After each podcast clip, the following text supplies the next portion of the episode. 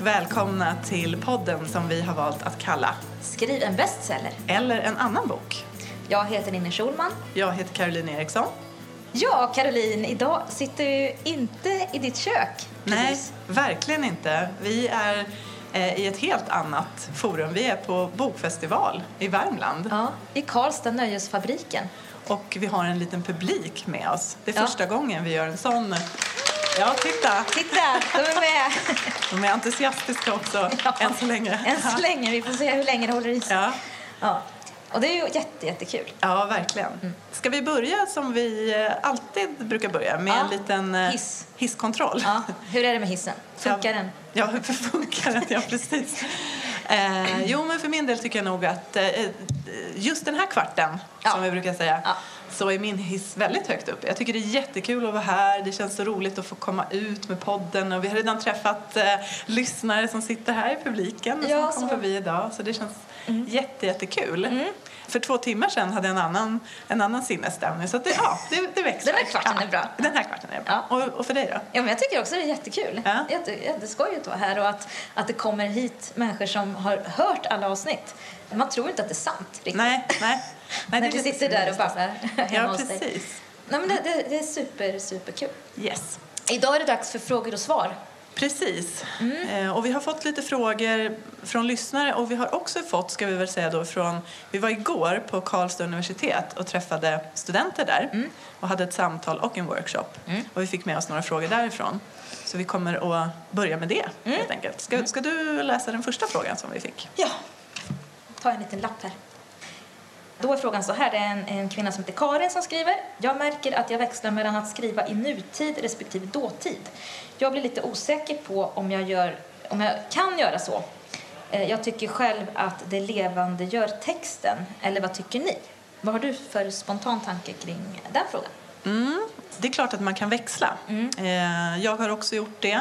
Eh, om jag inte minns fel i eh, Inga gudar jämte mig, min andra bok. Mm.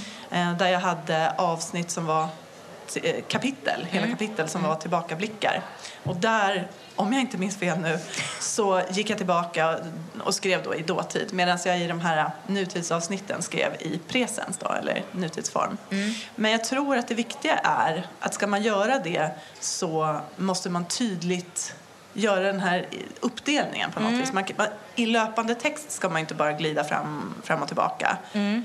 om det inte finns liksom, Någon- fog för det. Om, Ja. det inte, om det inte plötsligt är så att man övergår till att berätta någonting om någonting som Mm. hände igår. Eh, men annars så tror jag det är viktigt att bara visa då tydligt att det kanske är en viss person som berättar i, en annan, i ett annat tempus eller att det är tydliga kapitelindelningar eller, eller så. Så att man inte förvirrar läsaren. Vad tänker du? Ja, men jag håller med och jag förstår vad hon menar också för att ibland tycker jag att det kan bli så att man skriver imperfekt, börjar att skriva så och sen så blir det så, så nerv i det som händer och då har jag jättelätt att flytta in i i nutid presens Ja. för att då är man liksom här och nu och man eh, stänger dörren och sådär eller Ja. kör iväg. Eller Eh, höjer kniven. eller höjer kniven. Det, åh, det blir så spännande.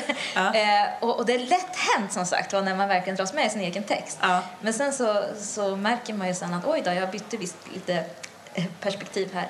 Eh, så jag förstår vad hon menar, men, Ja. men det är farligt och, eller farligt, det är inte alls farligt, men, men det är dumt. Ja. Det blir förvirrande om man växlar i samma scen, Precis. nu och dåtid och så. Ja. Bara att man tänker att man är tydlig för läsaren. Och då kanske man ska, man ska skriva i presens hela texten. Mm. eh, Om man istället man om, om man vill ha den nerven i, Mm. i alltihopa. Precis. Eh, ska du läsa någon Ja, ny då fråga? tar, vi, då tar vi en ny fråga. Måste man förankra handlingen till en namngiven plats även om det är rent skönlitterärt? Jag har inget namn på den här frågan, men Nej. Eh, vad säger du om det? Behöver man eh, ha en eh, namngiven plats i Nej. sina berättelser? det tycker jag inte. Nej? Bra, då går vi vidare. Nej. Nej, det tycker jag inte att man behöver. Eh, det finns ju för och nackdelar såklart. Jag kan tycka själv när jag läser böcker att det är ganska kul att se man beskriver en stad, att eh, veta att, att det ser ut så ungefär eller att man kan besöka den här stan eller orten.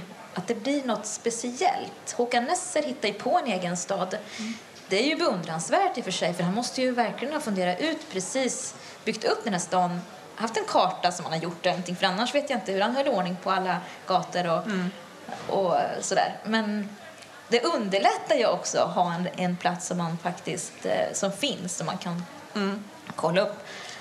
Men om man skriver om någon liten by någonstans eh, så, så är det ju kanske enklare att hitta på en, några hus eller något sånt. Jag har ju hittills skrivit väldigt tydliga platser. Ja, precis. finns. Hur, har- hur har det varit då för dig?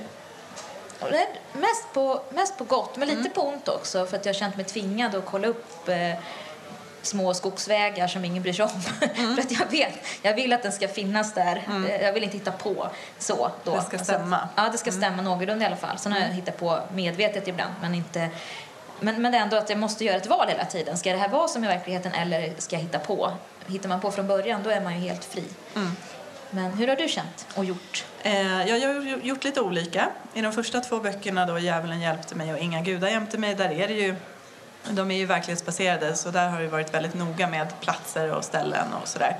Eh, I och för sig historiskt så att där kan man inte heller Du kunde inte på någonting? Ja, nej precis, men också att det, när det är historiskt så, så har man lite frihet i att det kanske, det ser inte ut likadant nu. Så Nej. det finns ingen som riktigt kan veta exakt hur det såg ut då. Nej. Men ehm, i De försvunna, min senaste bok, där, eh, där har jag ju faktiskt valt att göra så att, att jag har en fiktiv ort. Marhem, eller Marhem. Det valde jag därför att eh, jag ville ha liksom, maximal frihet och beskriva en plats som jag ser framför mig men som inte nödvändigtvis finns på kartan. Så det är också någonting man kan göra. Hur gjorde du då? man- Satte du dig ner och gjorde en egen karta hur det här såg ut eller fick det växa fram i texten? Eh, men jag hade den väldigt tydligt i huvudet och den här platsen ska jag säga, den är ju inspirerad av eh, vårt ställe där vi brukar tillbringa somrarna, alltså vårt landställe. Men proportionerna är helt annorlunda, det är mycket Ja. större. Eh, så det är någon blandning av det stället och ett sommarstugområde där jag brukade vara med mina morföräldrar när jag var liten. Och då ser jag de gatorna tydligt framför mig och sen den här sjön så som den ser ut där vi brukar vara. Fast mm, som sagt helt andra proportioner, mycket större och sådär. Så att jag gjorde ingen, ingen eh, riktig karta, jag hade den i, i huvudet med. Du mixade ihop vad du Ja. behövde. Ja, precis. Så att det är också någonting man kan göra, att välja att, att utgå från en rent fiktiv plats om man tycker att det blir en begränsning. Om man inte tycker att det är spännande och, och utgå från, från de här kända landmärkena eller så som, som människor kan relatera till. Så det finns för och nackdelar med, som vanligt med allt. Ja, ja, precis. Så att vi har väl inget... Man måste helt enkelt inte utgå från en Nej, verklig plats. det, är kan man säga. Det var det korta svaret Man gör frågan. precis som man ja. vill. Just det. Det var Eh, två hade- frågor på den lappen. Ja, vi hade en till fråga för samma person. Vill du ta Ja. den? Måste man veta vad som ska hända eller hur det ska sluta eller är det bättre att låta historien växa fram? Vi har ju pratat lite om det här Mm. förut när vi pratade om dramaturgi och Mm. eh, förberedelser och idéer. Vi har kommit till det ganska många gånger. Ja. Har vi något mer att säga där? Nej, men det är väl egentligen det där att alla som skriver eller alla författare jobbar på olika sätt. Så det känns ju förmätet att sitta här och säga att ja, du måste veta slutet. Eh, Men för mig eh, så funkar ju, skulle det inte fungera annars om jag inte vet. Det handlar ju om att på något vis veta vilken riktning man är på väg. Det blir lättare att ta sig fram då.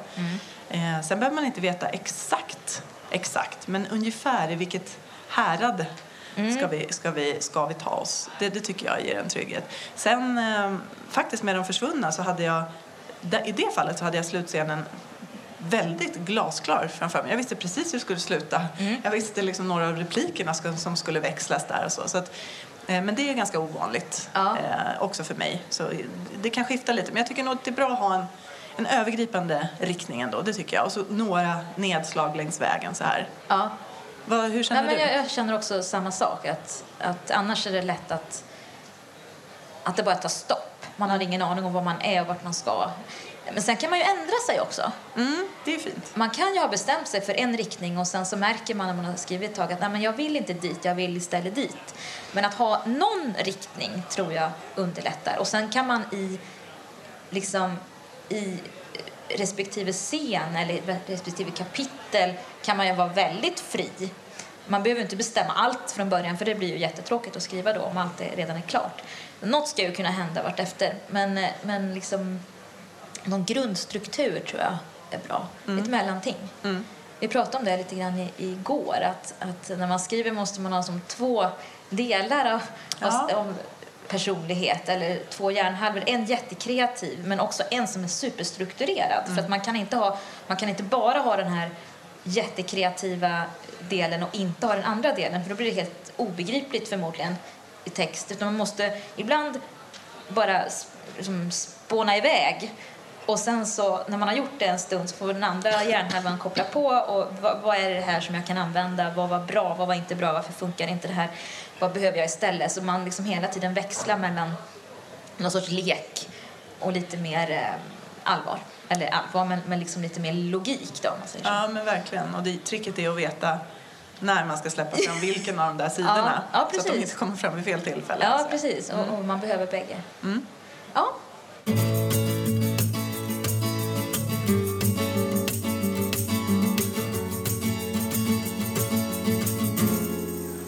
Vi någon fråga från publiken? ja, Här har vi en fråga. Jag heter Sven Årnäs. Vad gör man när man har skrivit hundra sidor och sen tar det tvärstopp och så orkar man inte igång igen? Har ni något trick? vad gör man om man har skrivit hundra sidor och det sen tar stopp? Har vi något trick? Mm. Har vi det, Ninni? Vad har du för trick? Se en film på en insikt. Ja, just det. Nej, men, men det är det att man, man, när det händer en, då tänker man att det här löser jag aldrig. För att det känns väldigt starkt när det tar stopp och man tvivlar på allting.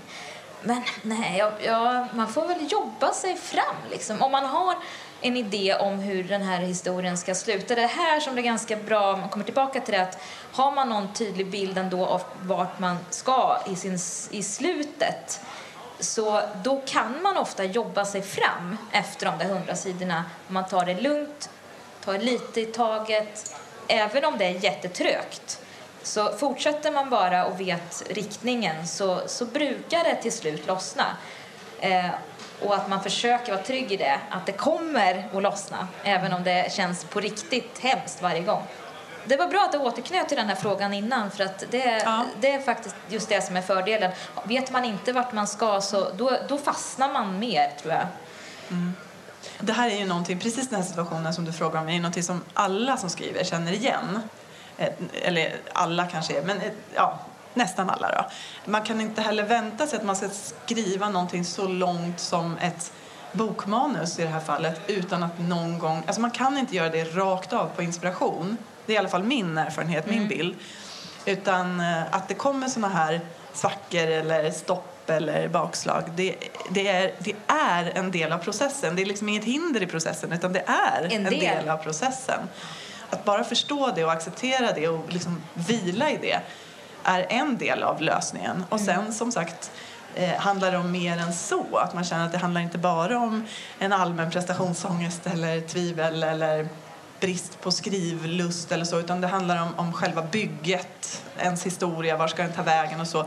Ja, då får man ju gå tillbaka och, och titta på det helt enkelt. Man, som eh, vi har pratat om tidigare, att titta på, det finns flera olika dramaturgiska modeller, att försöka gå till, eh, till någon av dem eh, och se om det finns någonting där som kan ge en, en aha-upplevelse eller en insikt att aha, kanske om jag gör så här, om, om den här karaktären eh, får lite nya egenskaper eller gör någonting oväntat eller eh, om jag förlägger den här vändpunkten lite tidigare eller senare, då, då kan det ändra hela eh, historien och också ens känsla för det tycker jag. Det, det kan vara sådana ganska små grejer som plötsligt gör att man får en ny skjuts. Mm.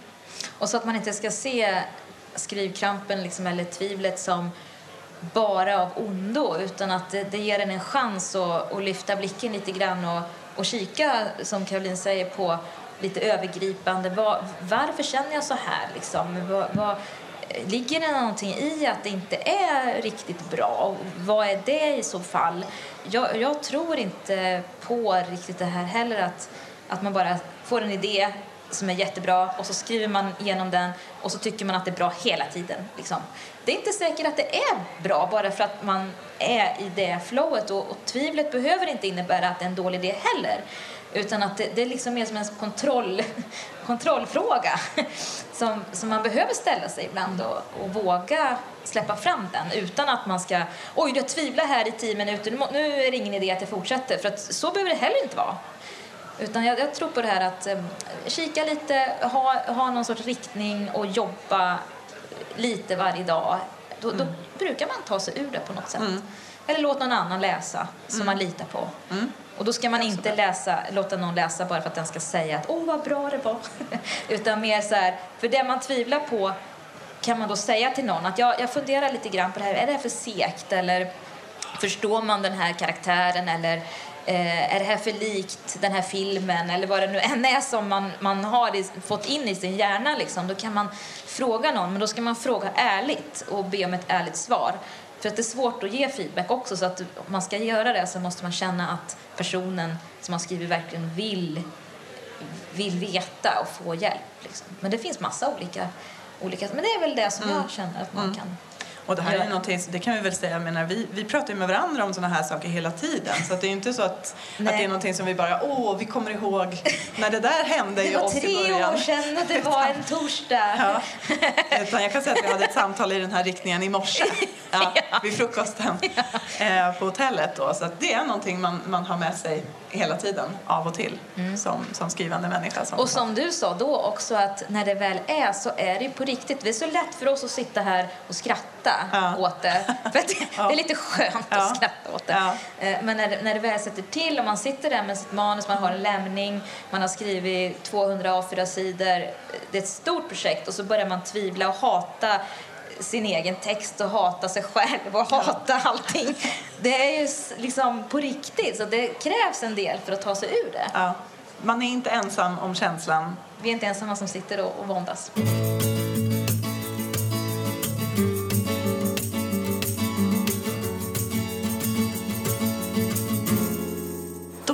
Vi hade ytterligare en eh, fråga med oss. Vad har vi den nu då? Vi har vår lilla...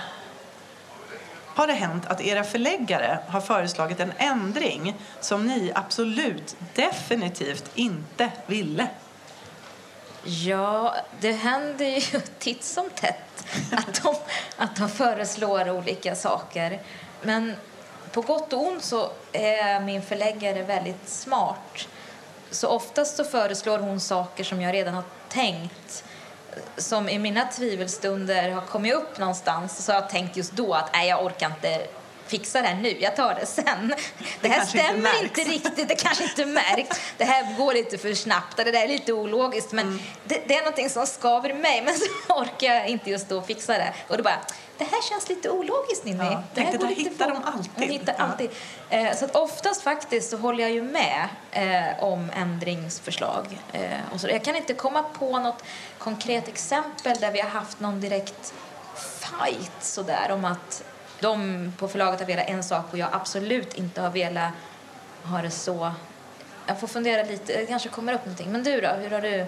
Ja, Alltså, frågan antyder ju att det är någonting, någonting väldigt... För det, det, man får ju en massa feedback på förändringar. Eller på förändringar, men ja, hur man kan utveckla sin manus. Det är inte så att jag tar alla dem. Nej. Det gör jag inte.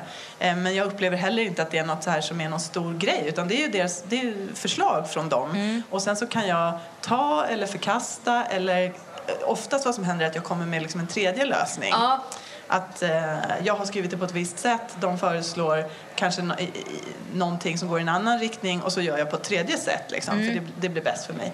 Men eh, vi har heller aldrig haft, liksom, det har aldrig blivit någon, någon konflikt av det så. Nej. Eh, däremot så har jag ju till exempel med min debutroman Djävulen hjälpte mig att eh, det, finns en, eh, en domare där, en häradshövding eh, som förläggaren tyckte att han var så spännande och kan vi ge honom en större roll? Kan han komma in tidigare i handlingen och sådär?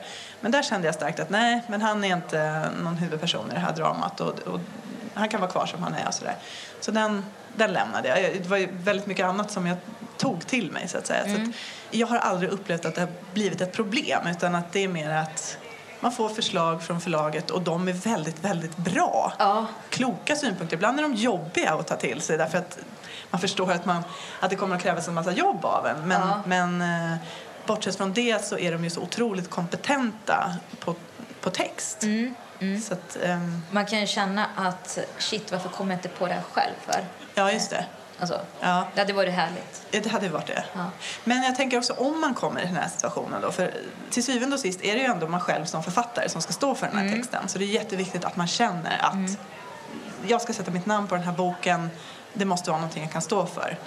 Samtidigt som att man måste också kunna ta till sig Ja, kritik och feedback. I den här frågan så ligger det i någonting, känner jag, att måste man som författare lyssna och göra som förläggaren säger? Eller kan man stå Mm. Ja, på sig? precis. Det ligger någonting mer Ja. där i än vad själva frågan är. Ja. Och det känner ju jag att, eh, som du säger, det måste man, ju, man måste inte göra som sin förläggare säger. Men eh, om man inte är utgiven så är det viktigt, tror jag, att veta att när man lämnar in sitt manus Mm.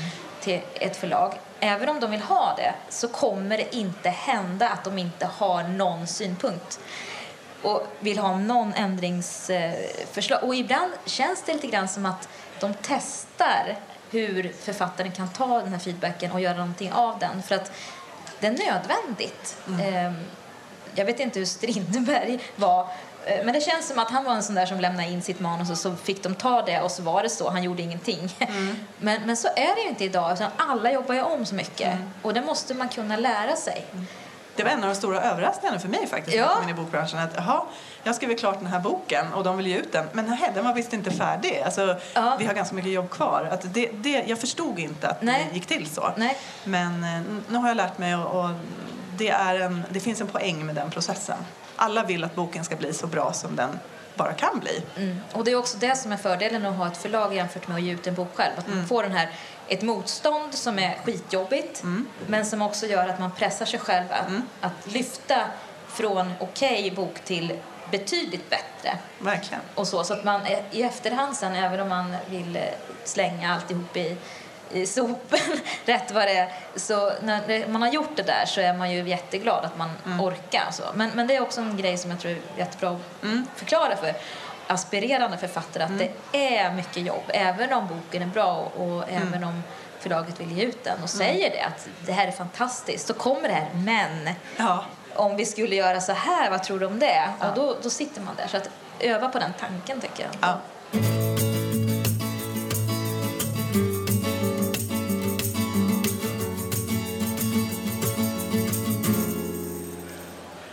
Mer Har vi fråga? tid för en fråga till? Ja. Fem minuter kvar. Ja, där Vi har en fråga här. med den här po- podden. Är ni inte rädda att ni får en massa eh, väldigt duktiga konkurrenter då? Så att ni får svårare att sälja era böcker. Ja, frågan är alltså, om vi, eh, vilken rolig fråga. Ja. Vi, eh, är vi inte oroliga med den här podden att vi eh, får en massa eh, duktiga konkurrenter då? Du tänker eftersom vi ger lite tips och sådär. ja. Nej, jag har inte. Jag, jag tror bara att det, det känns bara som att det vi gör är ju någonstans en eh, grundat i en så här gemenskapskänsla. Att vi vet hur, hur mycket skrivandet betyder för oss och hur mycket det, det hjälper oss att kunna prata om det och, och ge tips i de här svåra stunderna. Och vi tänker att det finns andra som, som upplever samma sak. Jag har inte reflekterat över faktiskt att det, det känns lite förmätet att säga att ja, våra tips är så bra. Så att Det kommer att de- ramla in. Ja, precis. Eh, det om vore om vi kunde kul. leva efter våra egna tips vore det ju Ja, en bra precis. start. För, för att den här titeln, Skriv en bestseller, den är ju väldigt mycket med glimten i ögat. Vi har ju faktiskt egentligen ingen aning om hur man skriver en bestseller. Vi gör så gott vi kan och det är jättesvårt. Och, och att vi, vi tycker också att man sitter så mycket ensam och det är så, så konstig sysselsättning det här. Så att vi tycker att det är jättekul med den här podden och, och ha våra lyssnare och känna att det pågår mycket ute i stugorna. Det skrivs.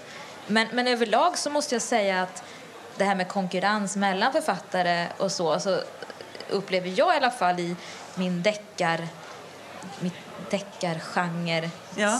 Ja. Att det är jättebra sammanhållning. Mm. Och, och i Danmark så är de så otroligt förvånade när det kommer svenska deckarförfattare. För vi, när vi åker runt så är det som att vi är på någon typ av skolresa eller någonting.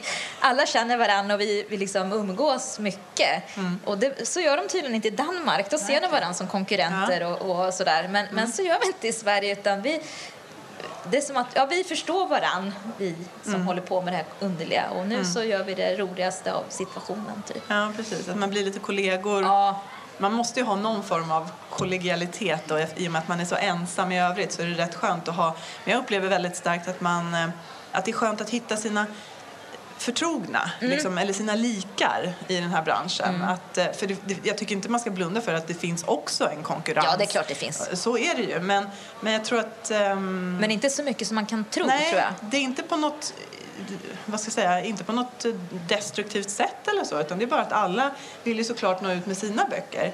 Men faktiskt så hörde jag en, en eh, ganska bra grej, den, det var någon som sa det, jag vet inte vem, att den värsta konkurrenten är egentligen inte en annan bra bok, utan den värsta konkurrenten är en dålig bok i samma genre. Alltså att, för det gör att då kommer folk inte vilja läsa mer.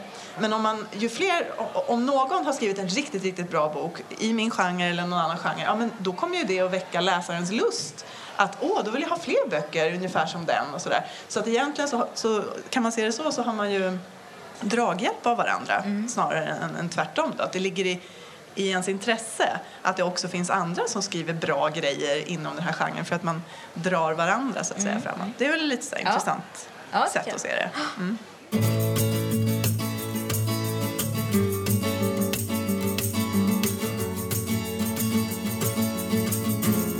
Vi har fått in en fråga från Frida på face, vår Facebook-sida. Och hon undrar så här. Hur länge får man vänta ungefär innan man får svar från ett förlag och hur går det till? Det där är ju väldigt, väldigt olika.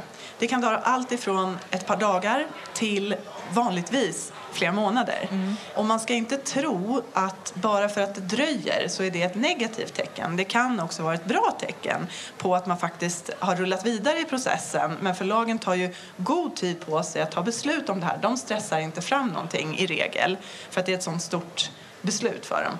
Så att ehm, man eh, kan få vänta helt Ja. enkelt. Och om jag går till mig, för jag har ju kommit in den vägen då, via den här eh, så kallade manushögen.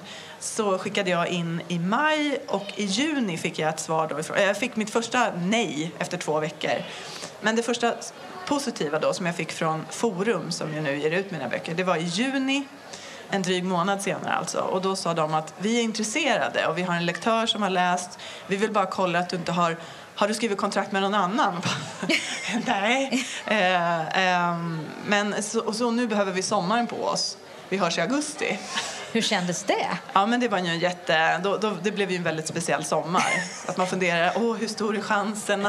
Hur många ringer de till och säger sådär? Ja. Är det 50 stycken eller är det fem stycken? Och sen så till slut insåg man att det spelar ingen roll. Eh, utan man får vänta på det där beslutet. Så att, eh, det är en jobbig, en jobbig väntan. Men, eh, men som sagt, man ska inte tro att bara för att det dröjer på tiden så är det mer sannolikt att man får ett nej. Nej, nej precis. Tvärtom skulle jag vilja Tvärtom säga. Ja. Och just det här att, att när de har hittat att det är någonting i manuset så låter de ju fler på förlaget läsa och lägger ut på lektörer och det tar ju lite tid också. Precis. Eh, Det är många som ska vara med här på beslutståget. Då får vi eh, tacka för idag. Tack alla som har hjälpt till och tack publiken och tack Timmy som klipper och Josh Woodward för musiken. Musiken. Tack för idag. Hej då. A sticky summer's day in Shepherdstown. An eagle in a thermal is a circling round like a tire on a bike rolling down Columbus Street. But Katie got a little look of hope in her eyes and her arms unfold and she looked to the skies and said, I'm gonna learn to fly around with you, yeah. She jumped up high and she fell to the ground and skinned her little knee and made a horrible sound. She got right up tried it again and smiling all the way with her unstoppable grin. Take time, do what you're gonna do and just smile, you're gonna see it through. Your wings are gonna sprout and lift you off the ground. Oh no, take time, do what you're gonna do. Just smile, you're gonna see it through. Your wings are gonna sprout and you will learn to fly.